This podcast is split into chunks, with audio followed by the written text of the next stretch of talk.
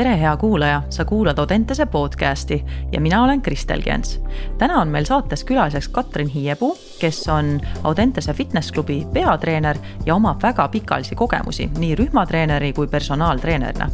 me räägime temaga täna sellest, kuidas ta üldse treeneri ametini jõudis, mida ta selles oluliseks peab, arutleme laiemalt, mis see tervislik elustiil üldse on ja kuidas siis seda tegelikult enda elus toetada üks väike märguanne ka enne, kui vestluse juurde minna, et selles episoodis ma kuidagi automaatselt tõlkisin body image eesti keelde keha kuju, mis ei ole tegelikult see, mida ma mõtlesin, et äh, ma kasutan siin siis äh, väikest võimalust, et seda parandada. ehk siis tegelikult ma mõtlesin selle all kehapilti ja kehapilt on vaimne pilt, mille inimene moodustab enda kehast tervikuna, sealhulgas siis erinevad füüsilised karakteristikud ja ka suhtumine nendesse.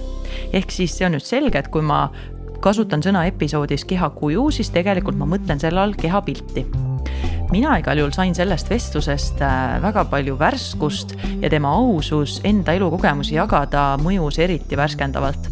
nii et äh, loodan, et ka teil on midagi sellest õppida ja midagi kasulikku kõrva taha panna ja miks mitte ka väikseid samme teha enda elus muudatuste loomiseks. nii et huvitavat kuulamist teile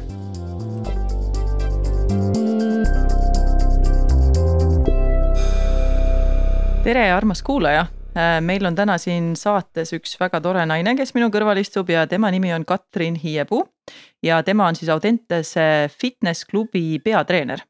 ja tema siis täna räägib meiega igasugustel huvitavatel teemadel, mis seostub just väga ka hetkeolukorraga, et kuna kevad on käes ja kõik inimesed avastavad, et ahaa, nüüd võiks hakata vaikselt liigutama. okei okay,, tänane ilm võib-olla ei ole otseselt kevad ja mõned inimesed võib-olla mõtlevad, et võtaks hoopis suusad uuesti välja, mis on ka väga okei okay,, sest see on ka ju füüsiline liikumine. aga ühesõnaga täna räägime siis hästi palju just sellest, mis puudutab äh, füüsilist liikumist, mida sport üldse tähendab, kuidas seda enda jaoks äh, nauditavaks teha ja kindlasti saame loodetavasti Katriniga ja tema enda elukogemustega ka paremini tuttavaks. nii et äh, tervist, Katrin, tore, et sa meiega oled. tere, Kristel, aitäh kutsumast ja see on nii tore, et me saame, kuigi me oleme kõrvuti kabinettides, siis me saame nüüd lõpuks niimoodi pikemalt maha istuda ja rääkida, et see on hästi-hästi lahe, et see mulle nende podcast'ide puhul väga meeldib. nii et saab süveneda kohe nendesse teemadesse. et äh, kõigepealt võib-olla alustakski sellest, et äh, nagu ma mainisin, võib-olla see on sihuke stereotüüpne arvamus, et kevad justkui võiks olla aeg, kus inimesed arvavad, et vot, et nüüd oleks vaja nagu rohkem liigutama hakata, et äh, juba nagu natuke rannailma peale mõtlema ja kõik see. ja eks see keskkond ka, kui läheb väljas juba kevadisemaks, temperatuur läheb soojemaks, siis justkui võiks tulla tahtmine, et ahaa, võiks nagu rohkem ennast liigutada. kuigi noh, eestlased on ka väga talispordirahvas. et äh, mis sina märkad ja kas märkad mingisuguseid äh, muutuseid, kui, kui kevad tuleb? ja kindlasti märkan, enne mõtlesin just, sa ütlesid, et me oleme kõrvaltubades on ju, et selleks on vaja mikrofonid välja võtta, et meid siis just. ühe laua taha saada aga jaa, on küll, ma arvan, et see on kindlasti väga palju seotud sellega, et äh, inimesed näevad, et väljas on kevad, tärkab, äh, riided lähevad õhemaks, on ju, siis hakkabki tekkima see tunne, et okei okay,, et suvi hakkab vist lähenema. et oh-oh, et nüüd tegelikult päriselt peab nagu käsile võtma ennast, et äh, see on üks aspekt. ja siis tullaksegi suure hurraaga trenni ja tegelikult kas nüüd päris nii-öelda kohe alustada nagu nii suure hurraaga on õige, võib-olla mitte, et võttagi võib-olla tegelikult see hetk korraks ja mõelda, et kuidas alustada, et ma alati soovitan seda, et võib-olla pöörduda siis äh, personaaltreeneri poole või kellegi kogenuma poole, kes siis tegelikult paneb selle suuna paika, kuhu liikuda, et sest alati võib juhtuda see, et sa alustad liiga palju korraga. Mhm. kõike liiga palju, et nüüd ma teen trenni, nüüd ma panen oma toitumise paika, et kõik korraga, et võib-olla palju. Mm. -hmm ja see on hästi huvitav ja oluline aspekt, mis sa just välja tõid, et äh, täna kindlasti tahakski süveneda sinna ka, et mis siis tegelikult on nii-öelda tervislik algus ja kuidas sellega siis algust teha. et enne kui me võib-olla sinna täitsa teemasse sisse hüppame, et äh, teeme väikse sellise kõrvalkäigu ja läheks ajas tagasi ja läheks tagasi sinna, et äh, mis sind üldse spordi juurde tõi ja miks selline asi nagu näit näitering, kui ma nüüd kuskilt õigesti lugesin, et sinu isa pani sind kolmeaastasena, kas see oli nüüd näitering või, või oli midagi sarnast vähemalt, et ähm, kust, kust selline mõte ja, ja kuidas sind on nagu äh, viidud või mõjutatud siis spordi juurde jõudmisel, et vähemalt ma sain aru, et, et sinu pere on mänginud selles päris suurt rolli ja väga huvitav, et sa oled mu taustatööd teinud, on ju minu kohta. ja et mu isa viis mu tõepoolest äh, balleti ja näitering, ehk siis tegelikult mul on kerge balletitaust ka ja see oli küll korra nädalas, aga siiski ma tunnen, et sellel on siiani mõjutused minu elus. siis vahepeal tegelikult jäi asi katki. selle tõttu, et ma vahetasin elukohta ja kooli, siis äh, lihtsalt tundus, et kõike on liiga palju, jäigi katki minu treeningute teekond ja kuidas ma jõudsin tagasi sinna, oligi puhtalt minu enda huvi ja tunne, et ma vajan nagu füüsilist liigutamist. See oli umbes kuueteistaastaselt, et umbes sihuke katki jäämine võib-olla oligi sihuke neli aastat mu elust, et kus ma ei teinudki mitte midagi ja see huvi tekkis siis minul endal. Uuesti alustada, ma alustasingi spordiklubis, ühes teises spordiklubis treeningutega ja siis kuidagi treenerid märkasid mind, nad ütlesidki, et oi, et sul on nii hea tehnika, et või. et oi, et sul tegelikult on nagu see lihas väga kenasti tuleb välja. ja siis jah, et just need märkamised võib-olla olidki see, et mis ma mõtlesin, et okei okay,, et väga põnev, et nagu mm, -hmm. et keegi märkab minu juures selliseid asju, on ju. ja siis äh, hiljem ka tegelikult, kuidas minu treeneri karjäär alguse sai, oligi, et ähm, üks treener ütles, et kuule, et sul on super tehnika, et äh, kas sa oled mõelnud kunagi, et sa võiksid ise ka treener olla, teadmata tegelikult seda, et äh, kuidas ma juhendan treeningut, mis on ju treeneri töös nagu super oluline, on ju. et ta ei teadnud seda aspekti ja teiseks ta ei teadnud ka seda, et mu enda peast on läbi käinud see mõte, et oo oh,, et äh, vägev oleks nagu treeneritööd teha, et saad ise samal ajal nii-öelda vormis olla, noh, see. see oli see tore kujutluspilt, et saad ise samal ajal vormis olla ja siis nii-öelda teenida ka sealt kõrvalt. et väga nagu selline kujutluspilt oli mul siis peas olemas, et mis on treeneritöö. no reaalsus on võib-olla natukene teine, on ju päris nii lihtsalt ei käi. ei käi nii, nii lihtsalt jaa, aga selline oli minu kujutluspilt ja sealt ma siis võtsingi kätte, et mõtlesin, et oi, et ega ma ei ole ju ülikoolis nii-öelda kehakultuuri õppima läinud, et, äh, et ma ei teagi, kuidas siis treeneriks saada, et noh, et kui ma kehakultuuri pole õppinud, et. aga tegelikult on võimalik ka nagu neid teisi teid pidi minna, et lähedki koolitusele ja hiljem siis teed need EOK paberid sinna juurde ka ära, et on võimalusi mm. -hmm. ja nii ma leidsingi siis ennast seal treenerina lõpuks see on väga huvitav, et kuidas alguses oli siis ja jällegi Äh, hästi huvitav mõelda, et mis inimesi mõjutab spordi juurde jõudmisel ja, ja see, et sul siis algus oli sihuke väike tõuge võib-olla siis nii-öelda pere poolt, eks ole, kus sa said selle kogemuse kätte. siis tuli see aeg, kus sa korraks olude sunnil siis sealt lahkusid, aga mingi asi jäi justkui ikka sisse, et nagu võiks ikkagi sellega uuesti tegelema hakata. ja siis keegi teine märkab sind kõrvalt, kes suunab sind siis selle nii-öelda tegelikult enda sees oleva tahtega edasi tegelema, et. väga lahe kombinatsioon jälle sellest, kuidas me äh, oleme nii palju üksteisega seotud et äh, meeldib mõelda ikka ja me oleme kuulnud neid lugusid ka, et oi jaa, et sul oli see üksinda see sisemine tahtmine ja siis see tee nii läks ja sa läksid läbi seinade ja kõik see, et. noh, tegelikult päriselu on ikkagi enamasti nii, et see on ka teistega koosmõju, noh, kuidas mm -hmm. me mingisuguste unistusteni jõuame, et hästi lahe kuulda, et sul oli see.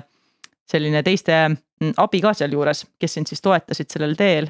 Äh, kui palju üldse vanemad äh, ja kas sind nagu kuidagi edaspidi toetasid või mõjutasid sellel teel, et selle spordi juurde jääda? Mm. -hmm kindlasti väga palju, aga tegelikult ma olen alati tundnud, et äh, pigem alguses seda teekonda väga nagu sport jaa, aga treeneritöö ei. et pigem võib-olla see ei olnud nagu see soositud teekond, kuhu minna, et noh, et ikka treeneritöö võib-olla. ta on küll nagu respekteeritud, aga noh, võib-olla ta ei ole nagu majanduslikult nii tulus, on ju, et sissetoov amet noh, sõltub, millisel tasemel sa seda teed, on ju, aga alguses ma tundsin kindlasti, et see ei olnud nagu võib-olla õige valik, mida teha. aga kuidagi nagu minu sees oli see kutsumus olemas, et ma ju läksin terviseedendust ka õppima, et ta küll ei ole üks-ühele seesama, aga ta ikkagi valdkond on sama, et ma tunnen, et ma täna teen oma õpitud ametit, et ma edendan tervist tegelikult, inimeste tervist üldiselt et jah, et alguses kindlasti see ei olnud nagu soositud, aga mida aeg on edasi läinud, mida rohkem ma olen koolitanud ennast ja tegelikult äh, mu perekond näeb ja toetab. et näeb, et ei, ma ikka käin seda õiget rada, et see tuleb minu sees, see tahe, see soov inimesi aidata. just, et nende treeningi eesmärgid saaksid täidetud ja see ei ole ainult see, et ma teen seda sellepärast, et inimeste treeningi eesmärgid saaksid täidetud, mul on nagu sihuke natuke sihuke holistiline vaade.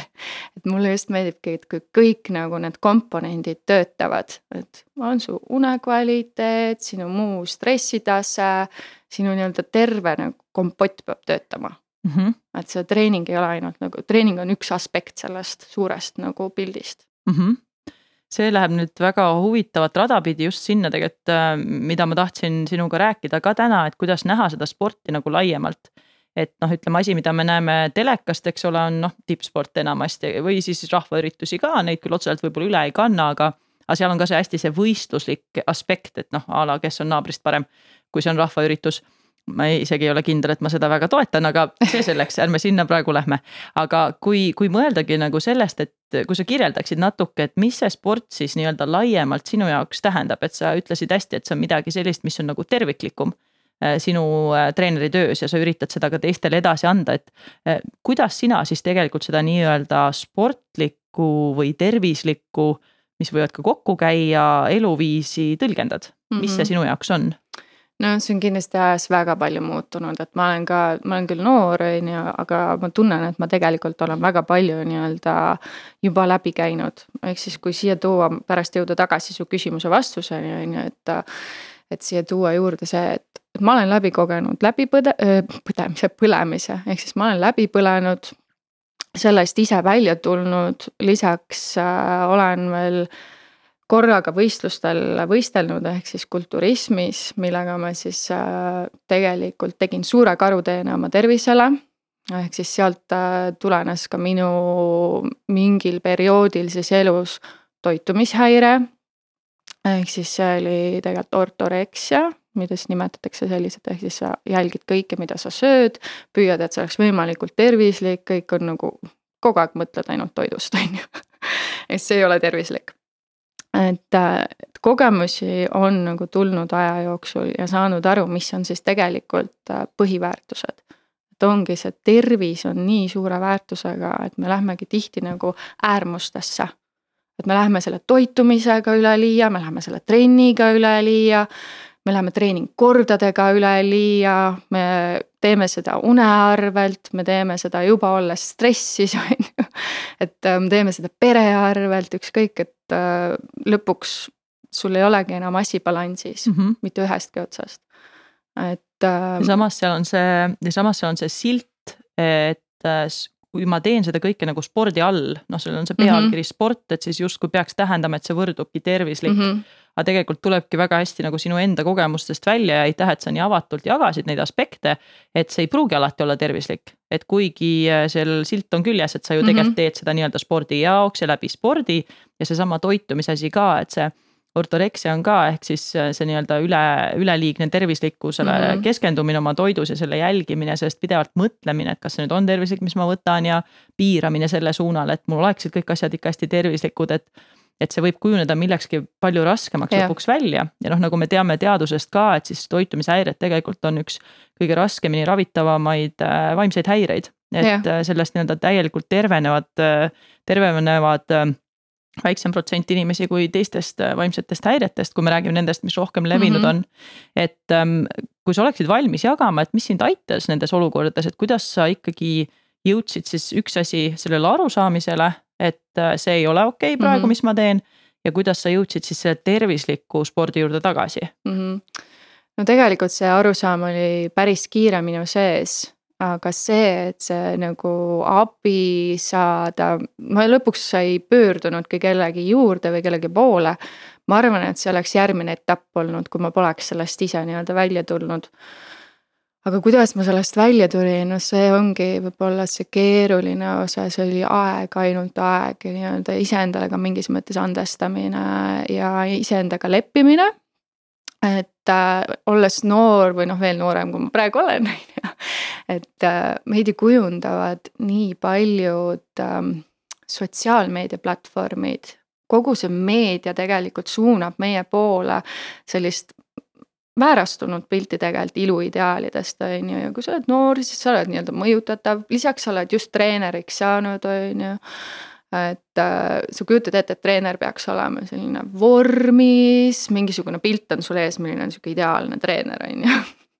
ja siis need kõik asjad mõjutavad sind ja siis sa mõtled, et ei, et ma võiks ikka võistlema ka minna, on ju, et siis tegelikult on nii lihtne minna sinna nii-öelda valele rajale mm. -hmm.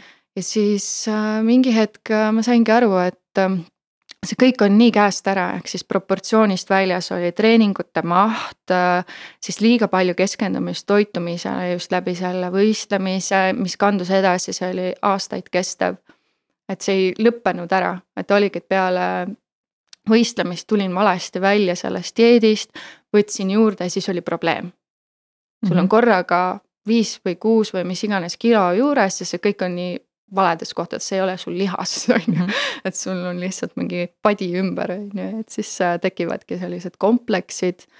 et täna jah, ma olen selles seisus, et ma räägingi sellest avalikult äh, ja mul ei ole sellest probleemi rääkida, sest ma olen sellest välja tulnud ja siis sa mõtled neid kiireid lahendusi, täpselt nagu tavainimesedki mõtlevad, et mitte tavainimesed, mitte ma eriline inimene olen aga nii-öelda klassikalised nii-öelda mõtled, et kuidas saada nüüd kiiresti sellest lahti, sellest äh, lisakilost on ju, lisakilodest. Lähedki, võtadki need kiired dieedid on ju, saadki alla, aga tegelikult sa teed kogu aeg karuteenet, karuteene, karuteene otsa, et sa tegelikult lõhud oma esiteks immuunsuse ära, tegelikult seedimise ära siis oled sa veel stressis pärast seda, et kõik, mis sa maha said, tuleb hiljem sul veel noh, hea, kui tuleb äh, mõni lisakilo, aga tuleb näiteks kahekordselt tagasi, on ju. Mhm. noh, see on muidugi utreeritud, aga et ta tuleb veel tagasi mm. -hmm ja, ja sa tõid hästi nagu välja, et sa ise kuidagi said sellest millalgi aru mm, -hmm. et kui näiteks noh, meil kuulajad ka ja, ja eriti, eriti võib-olla naissoost isikud isegi rohkem, et kuna seal tegelikult neid söömishäireid vähemalt äh, nii palju kui uuritud on, esineb rohkem. et ähm, ja mitte ainult söömishäireid, vaid, vaid kõike seda, mis puudutab seda negatiivset äh, kehakuju ja, ja seda taju, et mm, enda kogemuste pealt, mida sa oskaksid näiteks neile välja tuua et mida nad saaksid jälgida mm, -hmm. et mhm. mis on need esimesed siuksed väiksed märgid, et. et äkki nüüd saab nagu palju või kuskil peaks mingeid muutuseid tegema, et äh, mida sa soovitaksid tähele panna ja jällegi sihukese uudishimuga nagu märgata ja siukseid väikseid võib-olla checkpunkt'e panna, et mm -hmm. okei okay,, et kuidas mul päriselt sellega on. et mis võiksid olla need äh, justkui nagu äratuntavad siis tegurid, et vot nüüd vist hakkab natuke liiga palju kõike saama mm. -hmm kindlasti üks asi on ka see, et kas toit on sinu elu, et kas sa kogu aeg nagu mõtled toitumise peale, et nüüd hommikul ärkan üles, et jess, et ma saan süüa, on ju, või et ma, milliseid valikuid ma teen, et oi, et seda ma ei tohi või. või toda ma ei tohi, et see ikka pole tervislik, on ju, et just see pilt äh, toidust on nagu sul kogu aeg ees ja sul nagu terendab lihtsalt, et okei okay,, et seda ma ei tohi. just, mida ma olen tähele ka pannud, mida ma üritan ka oma klientidele siis äh, selgeks teha, nii palju kui ma suudan, et toit ei tohiks kunagi olla ei preemia ega karistus. et need on minu arust nagu ülitähtsad aspektid et kui on tegelikult tegemist juba preemia või karistusega, et näiteks, et ma sõin ära ja nüüd ma nüüd äh, pean selle saiakese või tordikese maha treenima. Või et äh, nüüd ma olin trennis super tubli, et ma nüüd lähen ja ma tegelikult võin endale lubada, on ju. et siis minu jaoks on juba tegelikult need hoiatusmärgid on püsti, et see mhm. tähendab seda, et toiduga ei ole väga tervislik suhe, see ei tähenda kohe automaatselt, et sul on nagu väga paigast ära või et sul on toitumishäire. aga sul ei ole ka väga terve suhe toiduga et mm, -hmm. et äh, jah, et mõeldagi toidust kui lihtsalt, et ta on kütus ja me saame kõike endale lubada, aga lihtsalt nagu loom-, nii-öelda normaalsetes kogustes mm. -hmm ja noh, ütleme seesama, see tervislik nii-öelda üldine tervislik toitumine on ikkagi see asi, mida enamus inimesi arvatavasti teab, et noh, neid mm -hmm. kampaaniaid on ka olnud, mis tutvustavad seda püramiidi ja kõike, et ütleme, mingid alusteadmised on enamusel inimesel olemas, et kas see nüüd on tervislik või mitte, et yeah.. kui see läheb siis liiga ülemõtlemiseks, et siis on see koht, kus tasuks nagu piiri panna. ja noh, täna me kindlasti ei laskugi sinna, mis puudutab söömishäireid, et see on täiesti teine teema. ja, ja see ei ole võib-olla see, see koht, kus sellest, sellest rääkida ka, et me üritaks siin kuidagi, ma lihtsalt ütlen kuulajatele ka, et me ei räägi siin praegu otseselt söömishäiretest, vaid me räägime lihtsalt käitumistest, mida saab jälgida. et kus saab nagu ennast suunata sellele nii-öelda tervislikkuse teele ja mitte minna siis liiga kaugele asjadega, et. Äh, kuidas selle trenniga näiteks on, et äh, kui vaadata seda füüsilist liikumist mm -hmm. ja mhm. ja trenniga alustamist ja kõike seda, et äh, kus seal jälle sinu kogemuste pealt saaks öelda, et vot natukene on nagu liiga palju saanud mm? -hmm.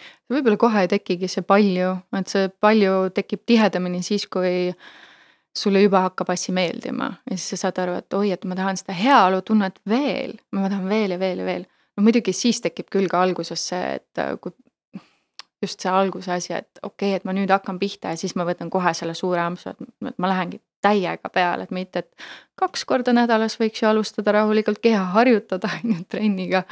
et mis see üldse on ja et kas su kehale sobib ja nii-öelda tasapisi tõsta koormust, et noh, südame-veresoonk on kõik nii-öelda nii-öelda kohaneks, on ju.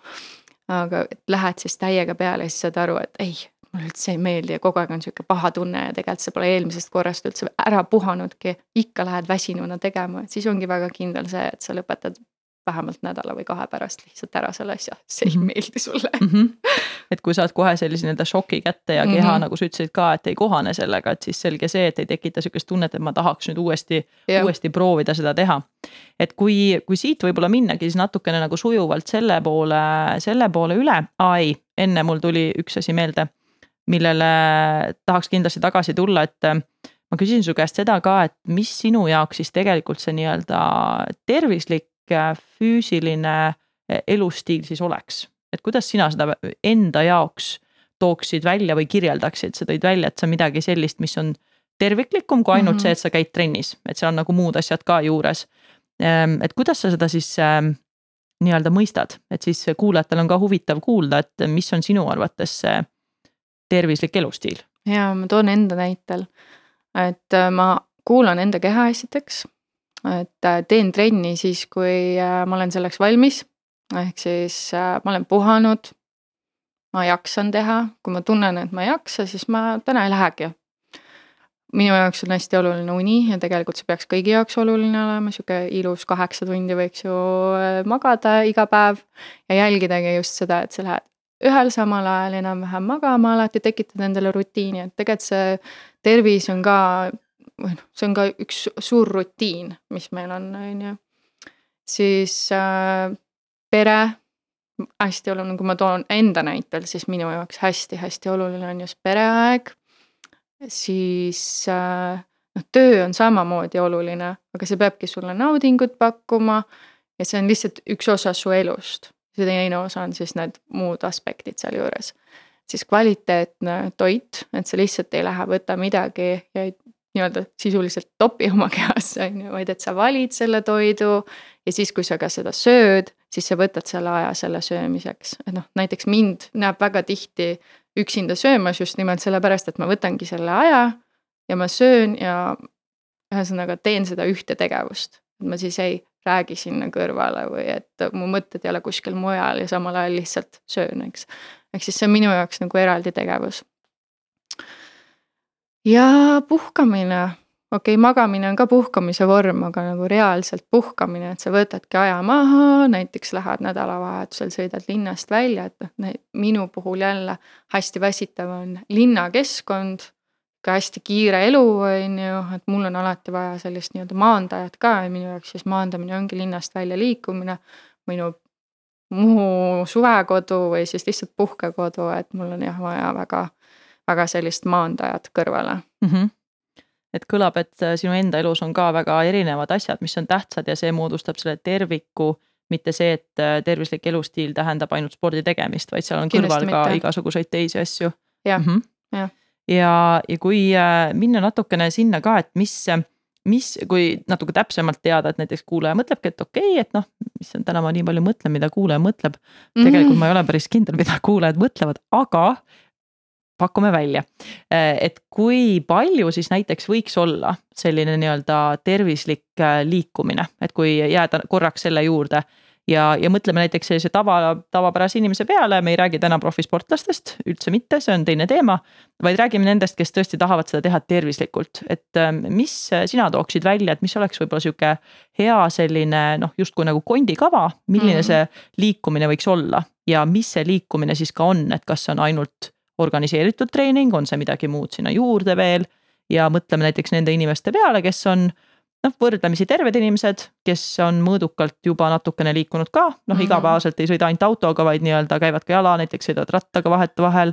nagu sa ütlesid, nädalavahetusel teevad natuke võib-olla perega mingeid liigutusi, eks, et nad ei ole täiesti istuvad mm. -hmm. et kui nemad nüüd mõtlevad, et okei okay,, et noh, võiks katsetada midagi, mingit sihukest plaani, et mida sa soovitaksid, et kuidas see võiks välja näha umbes jah, no alati on vaja seda tervikpilti näha, et sa ei saa lihtsalt panna mingeid treeninguid suvaliselt kuhugi on ju ja vaatad, et oi, et ma nüüd neljapäevast reedeni või tähendab neljapäevast pühapäevani ei saa üldse midagi teha, et sest ma kogu aeg sõidan ära ja siis ma teen need trennid on ju.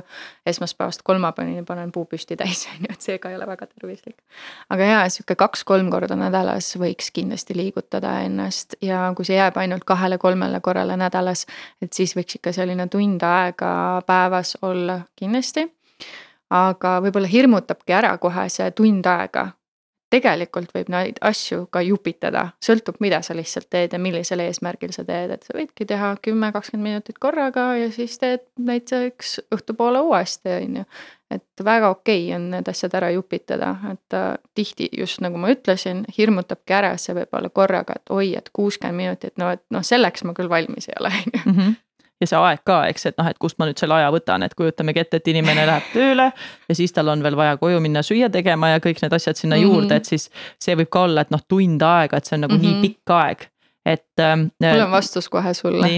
sa ei leiagi seda aega sa pead võtma selle aja lihtsalt. just, just, see on väga õige point ja, ja kui, kui näiteks proovidagi mõelda, et okei okay, ja noh, me mõtlemegi, kujutame, sa tõid väga hästi välja, et sa tegelikult esimene asi peaks teadma ja hindama, milline on inimese elu üleüldse. noh, et mis on tema võimalused, mis tema igapäevane liikumistase muidu on ja selle pealt mm -hmm. nagu otsustama, et kui kujutamegi ette näiteks mingit tüüpilist stsenaariumit, noh ongi, et inimene käib esmaspäeval iga, esmaspäevast reedeni tööl, tavapärane tööaeg ähm,. tal näiteks ähm, päeva sees ei ole võimalik teha, aga näiteks tal on natuke võimalik hommikul liigutada, võib-olla natukene õhtul ka mm. -hmm. ja ütleme näiteks nädalavahetusel ta on võrdlemisi aktiivne, siis ta näiteks treeningtundi teha ei taha, aga ta tahab perega olla, veedab seal aega värskes õhus, midagi sellist.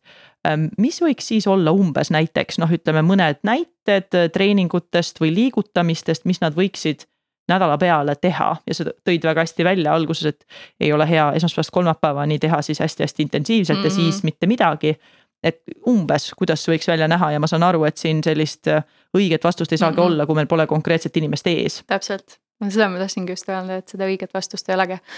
aga sõltub, kas sa oled hommikuinimene või õhtuinimene, sellest juba tegelikult saab väga palju pihta hakata, et kui sa oled hommikuinimene, siis kasuta seda hommikut ära et tee kasvõi seal siis see hommikuvõimlemine või mine hinga värsket õhku, tee väike tiirukene või kas kõnni, jookse, on ju. kui sa oled õhtuinimene, siis säti see kõik õhtusse, no ma saan aru, et õhtul on pigem rohkem siis pere arvelt see, aga täpselt nüüd ma ütlekski selle lause ära. pane oma prioriteedid paika. kui sa ikkagi prioritiseerid tervist ja sa näed, et see liikumine on sulle oluline, siis sa võtad selle aja, mitte sa ei leia, vaid sa võtad aja selle jaoks ja sa teed selle ära ja sa võid kasvõi teha nelikümmend viis minutit, aga sa teed natukene intensiivsemalt ja panedki endale kaks korda nädalas natukene intensiivsem treening, kas siis hommikusse või õhtusse, aga õhtul loomulikult täpselt enne magama minekut see ka väga hea ei ole, et siis sul lihtsalt see pulss ei lange. ja siis sul ei tule ka hea uni, et alati siukseid väikseid nüansse tuleb nii-öelda tähele panna. sellepärast mul ongi raske nagu siukseid üldisi soovitusi anda, sest et ma teen selle kava ju alati spetsiifiliselt selle inimese jaoks, ma alati määran ära või nii-öelda küsin tema tausta ja siis vaatame, et kuhu need asjad võiksid sobituda. et mm -hmm. päris niimoodi siukseid üldisi soovitusi on päris raske öelda jah mm.. see julgustab täitsa nagu ka nii-öelda jällegi jutumärkides tavainimesi äh, pöörduma täitsa nagu personaaltreeneri poole, et kes aitab neid asju siis äh, paika panna, et ei pea nagu jääma sinna kinni näiteks, et äh, aga kes mina olen, et noh, mul ei ole mingeid nii-öelda tulemuseesmärke, et noh, kas mul on siis seda vaja, aga sa praegu kirjeldad väga hästi, et kuidas on oluline see teadlikkus ja, ja arvestamine erinevate elu aspektidega, et see ei ole lihtsalt see, et nädala peale ära mahutad asjad. Ja see oli ka väga huvitav, et just, et arvestada, kas sa oled hommiku või õhtu inimene ja ja noh, psühholoogiliselt ka väga loogiline, sest et kui sa teed asja ajal, mis, mis tegelikult sulle ei sobi, siis jälle tekib see, et ah, see ei ole minu jaoks sest noh, idee järgi selleks, et tegevusega jätkata, sa peaksid ikkagi kogema sellest mingisugust naudingut ja mingisugust nagu mõnusat tunnet ka mm. -hmm. ja mis on minu arust spordi puhul hullult lahe, on see, et see nauding ei ole alati see, et sul on nagu hästi mugav.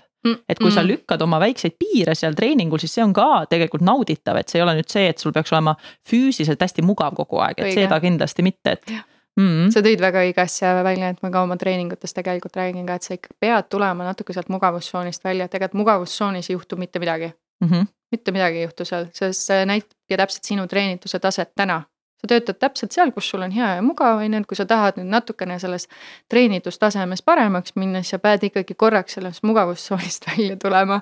tegema midagi natukene ebamugavat, mis ei tähenda seda, et sa pead üle võlli minema, aga mm -hmm. midagi natukene ebamugavat ja siis pärast taastud mm, -hmm. siis on pärast hea olla mm. -hmm.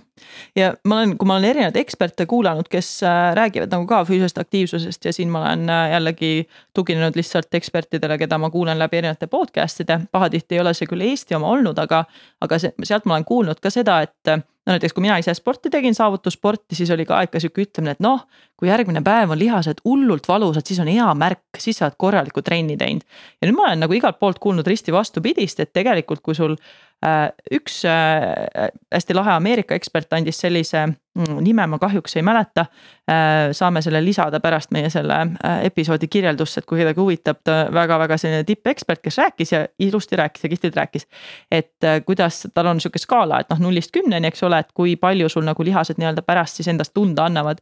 ja kui see läheb üle kolme mm, -hmm. see nii-öelda sihukene kerge nagu valu, siis on juba see küsimus, et midagi läks valesti. kas oli liiga palju koormuseid, oli liiga tugev vastupidi. oli liiga, just, just mm -hmm. ja, või siis see, et, äh, et sa lihtsalt tegid tehniliselt midagi valesti mm, -hmm. et noh, see võib ka olla see, et miks nad on nii-öelda valusamad kui see umbes kolm ja, ja see oli minu jaoks nagu väga huvitav, siis ma jäingi mõtlema, et issand, nii põnev, et nagu öeldakse sihukest asja, et oi, et see on kõva trenn, kui sa oled teinud ära, kus mm. -hmm. ja, ja täna hommikul ma kuulasin Äh, Mihkel Mardnaga tehtud äh, intervjuud ja seal oli tegelikult täpselt sama asi, et ta ütles ka, et see ei ole nagu selline nii-öelda justkui kõige olulisem või, või hea näitaja, et see on ja. nüüd õige trenn tehtud, et pigem siis, kui nad on valusad, siis tuleks neile lihastele natuke puhkust anda ja, ja võtta järgmised ette, et ma ei tea, mis sina sellest mõtled? jah, see on tõsi, sest tegelikult see käib praegu ajaga kaasas, see on inimestesse kuidagi nii sisse juurdunud, et oi, et äh, neile meeldib natuke nagu kaevata selle üle ka, et eile oli ikka nagu nii raske trenn, et ma ikka täna ei saanud trepist üles ega trepist alla, on ju, istuda on ka jube valus, on ju, et. see on kuidagi sihuke nagu staatuse märk, et nagu, et oh, mul oli nii raske trenn, on ju aga tegelikult see ei ole jah päris õige, et sa peaksid igast trennist nii-öelda valusaks jääma. jah, sa jääd siis valusaks, kui sa teed midagi uut, kasutad mingisuguseid veidi teisi lihaseid, nii-öelda muudad mingit treeningnurka, suunda, harjutust, et see on okei okay,, et sa jääd siis natuke tunned midagi, on ju. kui sa teed sama asja, siis ma arvan, et äh, see ei ole ikka väga okei okay., just nagu sa ütlesid, et tegelikult siis see on, keha annab sulle märku, et sa peaksid puhkuse võtma, nii-öelda natukene pikemalt taastuma ja siis alles järgmisesse treeningusse minema mm. -hmm ja just see, et see natuke on okei okay,, et mitte see, et kui sa pead umbes koperdama, ma ei tea, selge eest trepist alla, et siis see on hea trenn, et tegelikult see päris siis niiviisi ei käi. okei okay., äh, kui minna korraks veel tagasi nagu sinna ka, et mis paneb siis inimesi nii-öelda natukene liiga palju tegema. et kui me võtame näiteks nüüd selle just selle füüsilise liikumise ka, et äh, mis sina iseenda töös oled märganud, enda peal kogenud ja, ja mida sa võib-olla siis soovitaksid ka inimestele, et ähm, et kuidas siis äh, noh, jällegi mitte isegi märgata seda, et nüüd on see, kus sa üle teed, vaid mis on nagu need asjad, mis võivad sinna viia. et kas on selliseid tegureid ka näiteks, et äh, ma ei tea, mingid, mm, mingid eesmärgid, mis pigem viivad sinna, et sa treenid üle või, või mingisugused mõjud muud, mida tasuks nagu natukene tähele panna, et.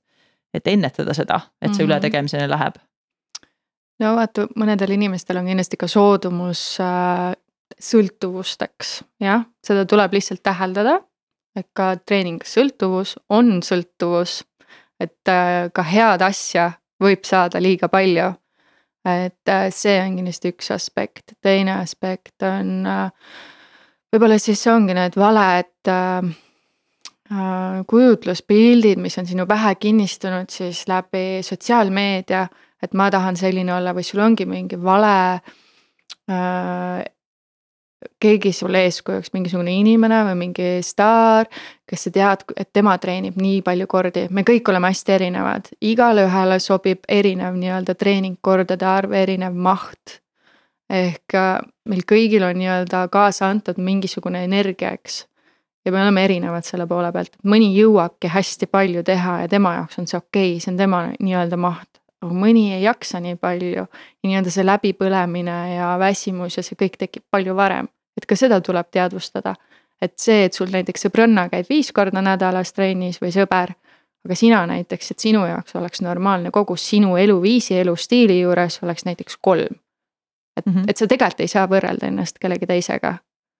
et muidu on tore küll kellegiga koos trennis käia, aga kas sa saad täpselt ühte ja sama asja teha mm. oma sõbraga, kas sul saab täpselt üks ja sama kava olla? Siis jälle ikkagi see endaga nagu selline check-in'i tegemine vahetevahel, et kuidas mu keha reageerib, kuidas ma ennast tunnen, enne kui sa mingit järgmist treeningut plaanid alustada, et vaadata sellele otsa mm. -hmm. Mm -hmm ja see on kindlasti, kindlasti olulised punktid, mis sa välja tõid, et see just see teistega võrdlemine võib olla see asi, mis hakkab nagu seda soodustama ja see sotsiaalmeedia mõju, et me võtame mingi kehakuju, et vot see on nüüd see tervislik kehakuju ja nii peab olema ja mina pean ka sinna jõudma, et. Ehm, kui, kui natuke võib-olla minna selle kehakuju pealt nagu edasi ka, et äh, kuidas sina, ma natukene vaatasin seda, seda teadust ka ja noh, see ei ole väga üllatav, aga, aga seal on ka välja toodud just seda, et noh, inimesed, kellel on positiivsem kehakuju, nemad teevad ka parema meelega treeninguid ja füüsil-, on füüsiliselt aktiivsemad ja see on natuke ka vastupidi, et on leidnud teistsuguseid seoseid ka, et. kui sa teed füüsilist aktiivsust, mis sulle meeldib, siis su see kehakuju nii-öelda muutub äh, või kehataju muutub nagu äh, positiivsemaks. ja, ja noh, seal ei olegi hetkel äh, uuritud seda, mida on ka väga raske uurida, et mis see nagu põhjuslik seos seal on mm. -hmm. aga vähemalt neid seoseid on leitud tegelikult mõlemat pidi ja, ja samuti on leitud näiteks seda, et need inimesed, kellel on natukene ärevam selline kehakuju ja endaga ei ole nii rahul, nemad kipuvad tegema pigem nagu eraldi treeninguid. ja pigem nagu selliseid mm,, kuidas siis öelda mm,, jah, eraldi treening on vist kõige õigem ja enamasti kipuvad need olema siis sellised vastupidavustreeningud, mida nad teevad, teevad üksinda. et pigem nagu ei kipu sinna teiste sekka mm, -hmm. kuigi samas jällegi on ka väga palju positiivseid mõjusid grupitreeningutel. et yeah. kui koos liikuda, mitte ainult see motiveeriv aspekt, et ma käin mm -hmm. sõbrannaga koos vaid ka see, et ta lihtsalt koos füüsiliste aktiivsuste ja liikumiste tegemine annabki selliseid positiivseid emotsioone loomulikult inimestele kaasa, et mm, ja kui nüüd noh, mõeldagi pikk jutt, aga kui nüüd mõeldagi selle peale, et kuidas saaks siis toetada või kuidas sina toetad seda, et inimesel üks asi tekiks selline noh, positiivne taju iseenda kehas ja, ja, ja iseenda sellisest füüsilisest välimusest versus see, et mingit ideaali võtta ja seda nagu taga ajada. ja, jah, võib-olla sinna jääkski, et. sa mõtled nagu kliendile või sa just, mõtled just. Äh, nagu mulle iseendale, et kuidas see on kujunenud? mõlemad tegelikult aspektid mm -hmm. oleksid huvitavad, sest äh, oleks hea teada seda, kuidas ta saab teistest soodustada ja oleks mm -hmm. hea teada seda, et kuidas ma iseendas saan seda soodustada, sest. jällegi ma arvan, et väga palju on neid inimesi, kuna me oleme loomu poolest sellised, kes kipuvad ennast teistega võrdlema yeah., kes, äh, kes ei ole väga rahul sellega, sellega, kes nad on või kuidas just nagu, kus nad, kuidas nad võib-olla välja näevad, et mis sinu nagu soovitused on nii enda suunal kui siis ka, mida treenerina sa teed mm -hmm. selleks? no vaata, treeneri töö ei olegi ainult puhtalt treeneri töö tegelikult, eks, et seal on nii palju aspekte, et sa seal oled suhtenõustaja ja siis oled sa psühholoog, on ju. ja kõik, kõike muud, et see tegelikult on keeruline. aga et sa iga nagu kord, kui sa saad kokku ja sa näed, et seal tegelikult on suurem nii-öelda teema taga, siis sa peadki tegema tööd selle kliendiga. lihtsalt rääkimagi talle ja kuidagi sisestama talle seda positiivsust ja kinnitama, et ta tegelikult näebki hea välja ja tegelikult kuidagi nagu lülitamagi välja seda, et me ei pea ennast teistega võrdlema, sest me lihtsalt me ei saa olla füüsiliselt täpselt samasugune ju kellegiga, on ju, meil on erinev kehaehitus. aga pigem jah, see on võib-olla hästi kompleksne teema, et seda, sellel ei ole ühte vastust ja sa pead alati tunnetama ära, milline see klient sinu vastas on, et kas ta üldse vajab sellist abi, kas ta tahab, kas ta võtab vastu ka seda. on ju, et see ei ole nagu ühepoolne, see on sihuke kahepoolne tee mm. -hmm. et aga iseenda puhul ma arvan, et lihtsalt aeg on oma töö teinud ja, ja ma olen juba ammu leppinud oma kehaga ja üldse iseendaga, et ma täna juba, juba aastaid äh, tean, kes ma olen, mis ma olen ja miks ma olen, on ju, et äh, ja nagu äh, meil eelnevalt oli ka juttu, mitte küll täna, aga varasemalt, et äh, ka siin on aidanud tegelikult mind minu väike Noora. Et äh, emaks saamine lihtsalt jah seda on, äh, kui ma juba kuulen, siis ma juba tajun, et seal on nagu täitsa sihuke siiras emotsioon taga, et kuidas mm -hmm. see kuidas see nagu võib muuta seda, et äh, oleksid sa avatud jagama ka, et mis muutus siis, et mis on nagu see asi, mis, äh, mis muutus sellega, kui, kui tema tuli sinu maailmasse? jah, lihtsalt prioriteedid on nii paigas mm. -hmm. kõige otsem vastus ongi, et prioriteedid on paigas ja sa näedki, et äh, võib-olla ongi raske vastata, aga kuidagi kõik nihkus oma kohale. jah, võib-olla see ongi kõige otsem vastus, et kõik lihtsalt nihkuski oma kohale mm. -hmm Mm -hmm. võib-olla see kõigil ei toimi, on ju niimoodi aga mul on elus hästi palju olnud selliseid olukordi, kus asjad lihtsalt loksuvad paika. et nii nagu, kuidas ma treeneriks sain, et kuidagi ta loksus sinna paika, siis see, kuidas ma Audentesesse jõudsin. see ka tuli kuidagi iseenesest, on ju, aga nagu heas mõttes iseenesest, et kuidagi. ma ei tea, sa oled avatud ja asjad hakkavad juhtuma mm. -hmm ja eks see avatus on seotud natuke rohkem äh, sellega ka, et kui palju me aega veedame sel nii-öelda iseenda mõtetega, et mm -hmm. mida mida rohkem me veedame aega ainult selle peale, et me mõtleme, kas siis toidust mõtleme või mõtleme sellest, milline ma välja näen või mõtleme mm -hmm. sihukestest asjadest, siis ma ei ole avatud. ma olen avatud, see, lasen lahti sellest kõigest sellest sisemisest äh, jutuvadast, mis meil lõpmatu ja lõpmatu on tihtipeale, et seda rohkem me oleme teistele avatud ja seda rohkem ka teised inimesed on valmis meid märkama positiivselt mm, -hmm. et see on jälle sihuke huvitav nagu mõju um,. kui siit äh, minna veel, veel korraks selle juurde ka, et kui rääkisime sellest aspektist, et kui keegi alustab treeningutega, et siis ei ole hea alustada nagu kohe hästi palju, et siis võib tekkida see tunne, et okei okay,, ma ei saa hakkama, see pole nagu minu jaoks yeah.. et ähm, ja nagu me teame, et siis füüsilise aktiivsusega jätkamiseks on oluline see, et me õpime seda nautima, noh mingit osa sellest. et mida sa jällegi ähm, pakuksid välja või, või mis võiks aidata inimesi, et nad äh, oleksid valmis jätkama sellega, eriti arvestades, me oleme kõik nii erinevad, sa tõid mm -hmm. selle väga hästi välja, et kuidas siis võiks alustada, sest jällegi inimene, kes ei ole sellega varasemalt kokku puutunud, et mida ta võiks teha, mida võiks proovida mm, -hmm. kas katsetada erinevaid, võtta yeah. üks asi, mis on need asjad, et mis võiksid siis toetada seda, et ta tegelikult jätkab sellega ja tahab seda teha ja saab sellest naudingu. jah, alusta kindlasti vähe korraga, ära võta kohe suurt ampsu. kui sa leiad, et see kindel stiil või tegevus sulle ei meeldi, proovi midagi muud, et neid tegevusi on palju, et ei ole ju ainult noh, toon näite meie majas on ju võib-olla, kui nii-öelda täiskasvanud kliendi peale mõelda, et ainult rühmatreening või jõusaal või ujumine on ju, et tegevusi on ju nii palju, lihtsalt proovi ja leia enda jaoks see sobiv, et ole julge nagu liituma erinevate nii-öelda gruppidega, leia endale treeningkaaslane, küll, küll me sellest ka rääkisime, aga vahel on see treeningkaaslane hea, kes muidu, kui sul tekib see laiskuse päev, on ju. et siis ta tuleb ja võtab sul natist kinni ja ta ikkagi, te lähete koos, teete ära.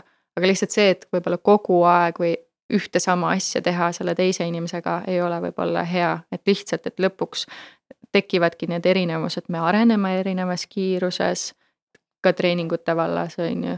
et me ei saa näiteks kaasa liikuda, noh toome näite jõusaalis, et oi, et tema tõstis kümme kilo oma raskust, on ju, noh alguses on see võimalik, on ju, hiljem nii palju korraga ei saa, on ju. et tema tõstis kümme kilo, et ma tõstan ka. aga äkki tema ei ole valmis selleks veel, et, et äh, jah mm. -hmm et jääda siis ikkagi selle enda nagu arengu ja enda selle nautimise juurde, et mitte ja. minna sellega kaasa, ma pean nüüd panema endale äh, suured eesmärgid, et vot, ma pean nüüd sinna raskuseni jõudma või ma pean selle kaalu langetama või midagi sellist, et ja.... eesmärk võiks palju kaugemal olla, eesmärk võiks tegelikult olla hea tervis. pigem sihuke lai pilt, on ju, et kui sa võtad sellise eesmärgi, et ma tahan tegelikult jõuda näiteks äh, kükkides saja kiloni, on ju. see tuleb mingi hetk ette, aga mis siis edasi saab mm? -hmm. et tegelikult siis nagu eesmärk saab otsa, et võtsin viis kilo alla, aga ja edasi võtsin pulmadeks äh, kümme kilo alla, sain pulmadeks vormi, noh, need on siuksed tüüpilised asjad, mille pärast tullakse, on ju. aga edasi, et kas siis nagu lõpebki kõik ära või, et kas teekond on tehtud tegelikult see peaks olema elukestev mm. -hmm. elukestev mm -hmm. ja need eesmärgid on seal siuksed pisikesed vaheetapid seal vahepeal. et tegelikult on hea ju mingit eesmärki omada, aga ta võiks olla mingi suurem eesmärk, noh selle poole pealt, et ta ei ole lihtsalt mingi kilo siin või kilo seal. võtadki mingid vaheetapid endale, aga lõppeesmärk on hea tervis, et ma suudan liikuda näiteks lastelastega hiljem koos ühes rütmis, nendega kaasa joosta ma ei tea, mängida. ükskõik, mis siis lõpuks sinu jaoks oluline on tõid äh, hästi sellise olulise punkti välja, et kõik sellised väiksed vahe-eesmärgid, mis võivadki olla numbrilised, eks ole. no kindlasti treener aitab neid panna realistlikuks, et sa jälle üle ei pinguta sellega, aga aga see, et need on siuksed väiksed numbrilised asjad, aga nad on alati seotud sellega, mis on sinu baaseesmärk mm, -hmm. olgu mhm. selleks see tervislik elustiil, endaga rahulolu, olgu selleks seesama, mis sa välja tõid, et olla tervislik äh, vanavanaema on ju. et, et noh, jällegi hästi oluline on see ja see on ka motivatsiooni koha pealt oluline, et siis, kui sa tead, miks tegelikult sul on näiteks see kolm korda päevas või vabandust, kolm korda nädalas treeningul käimine oluline ja sa tead, et see seostub millegi suuremaga, mis on sinu väärtustega seotud. saab sellest midagi oluliselt äh, püsivamat, millega ja. sa oled valmis tegelema. muidu, kui sul on lihtsalt see, et äh, okei okay,, ma käin kolm korda nädalas trennis, siis mis vahet seal on? noh, käisin siis. jätan ühe siis... korra ära, jätan okay, teise korra ära, on ju aga kui sa saad aru, et see läheb vastuollu sinu nagu selle suurema väärtusega, mis mm -hmm. sa mhm. tegelikult tahad, siis on nagu raskem sellest lahti lasta, et mm -hmm. küsidagi enda käest vahepeal ka, et okei okay, kolm korda nädalas trennis, aga miks mm? -hmm. et noh, päriselt, miks see mulle siis tegelikult oluline on. et see küsimus, miks aitab ka tihtipeale seal olukordades võib-olla kaasa, et mm -hmm. siukseid asju teha.